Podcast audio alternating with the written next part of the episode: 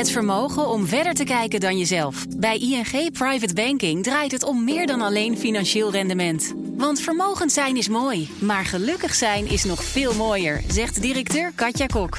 Wil jij weten hoe ING Private Banking klanten helpt om meer betekenis te geven aan hun vermogen? Je leest Katja's verhaal op fd.nl/slash partner slash ING.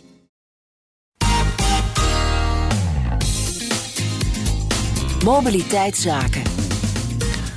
Mobiliteitszaken vanaf uh, deze week op de donderdag. Nog altijd wel gelukkig met Nout Broekhoff van BNR Mobility en de Nationale Autoshow. Nout, welkom. Ja, ja, gelukkig ik kan nog iets vertellen. Want Robert die wilde volgens mij nog wel even doorgaan ja, over de SP. Maar jij hebt nog andere verkiezingsprogramma's ja, uh, bekeken. Ja. want het is jou ook niet ontgaan dat er verkiezingen aankomen. Dan komt uiteraard ook weer dat thema van rekeningrijden op tafel. Ja. ligt het eigenlijk nog op tafel of niet? Nou ja, de, de, huidige Tweede Kamer eh, gaat nu over het eh, controversieel verklaren van onderwerpen. En het mobiliteitsthema, dat altijd al heel erg controversieel is, is rekeningrijden.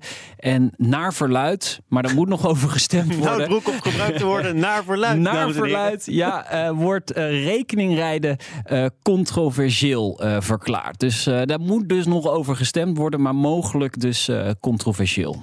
Als dat zou gebeuren, het controversieel verklaren Ja. van dit onderwerp, is dat dan verstandig te noemen? Ja. Ja, nee, kijk, wat ik al zeg, het is al jaren controversieel. Er wordt ook al jaren onderzoek naar gedaan. Het is veel besproken. 20, 30, 40 jaar ligt het min of meer al op tafel. Eh, het heeft ook enorme grote impact. Het is een grote stelselwijziging. Ehm, het is een ICT-project. Nou, ICT en de overheid, dat is geen gelukkig huwelijk. Het komt ook terecht bij de Belastingdienst. Daar moet ook nog wel wat gebeuren. Dus ja, ik snap wel dat dit eh, controversieel je wordt. kunt ook zeggen, als het zo ingewikkeld is, zoveel tijd vergt, Ja. dan verdraagt dat eigenlijk niet nog weer verder uitstel. Nee. Nee, eh, maar goed, het plan dat nu eh, op tafel lag, of ja, het was eigenlijk nog geen uitgewerkt plan, maar de stip op de horizon, laat ik het zo zeggen, was 2030. Het is dus ook niet zo dat wij volgend jaar met z'n allen gaan rekening rijden. Hè, dit kabinet, of ja, het eh, gevallen kabinet, zou een plan presenteren en de volgende kabinetten moesten dat dan gaan uitvoeren. Het was eigenlijk een beetje vooruitschrijven. Ja. gebeurt nu nog een keer, hè? Dan Ja. eigenlijk door dat controversieel verklaren. Nou ja, ik was eigenlijk voor de zomer al heel erg teleurgesteld. Want er werd gewerkt aan een plan. En dan zou er een plan liggen voor de zomer. Maar toen dat allemaal moest gaan gebeuren, toen werden er eigenlijk een hoop onderzoeken naar de Kamer gestuurd. Van hier, een hoop onderzoeken en kijk maar wat jullie ervan eh, van vinden.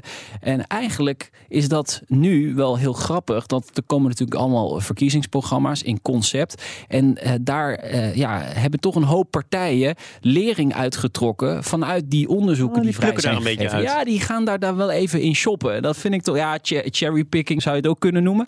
Maar die, die onderzoeken die vrij zijn gegeven zo vlak voor de zomer, die hebben wel gediend als een soort bron van inspiratie. Nou, wat ben je dan in die verkiezingsprogramma's? En misschien doen er wel weer meer dan eh, 25 partijen mee. Dus ik zal je geen huiswerk opgeven om het allemaal te doen. Maar wat ben je tegengekomen? Nou, en, en eh, sommige partijen hebben nog niet eens een verkiezingsprogramma. Ik ben bijvoorbeeld heel erg benieuwd wat omzicht van de autobelasting vindt. En wat eh, de BBB ermee wil. Hè? Want dat zijn natuurlijk partijen die veel eh, stemmen gaan krijgen. En veel zetels mogelijk. Maar ja, eh, het zijn een beetje de geëikte partijen. Eh, Robert had het net over de SP. Nou, de SP is gewoon heel duidelijk. Geen rekening rijden. Maar goed, dat kan dus ook. Eh, de VVD wil het wel. eh, maar alleen als de autobelasting niet verder omhoog gaat. Wat altijd inderdaad een, een thema is bij rekeningrijden. Hè? Want eh, ja, het wordt een, een kilometertarief. En hoeveel wordt het tarief dan? En gaan we dan meer betalen voor de auto? Dus ik snap dat, dat ze dat zeggen. GroenLinks, PvdA wil de invoering zelfs versnellen. Dus niet 2030, maar naar voren halen.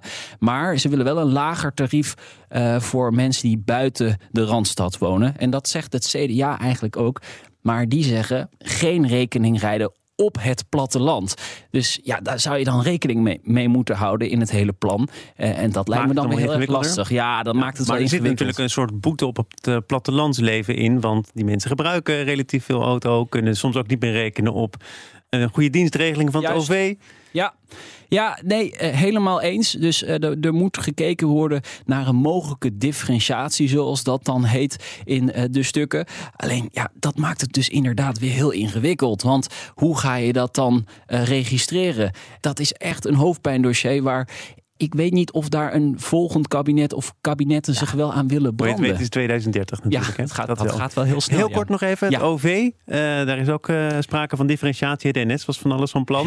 Wat, wat, eh, wat zeggen de partijen daarover? Nou, wat je echt terugziet in de conceptverkiezingsprogramma's is dat ze willen mobiliteit weer betaalbaar krijgen.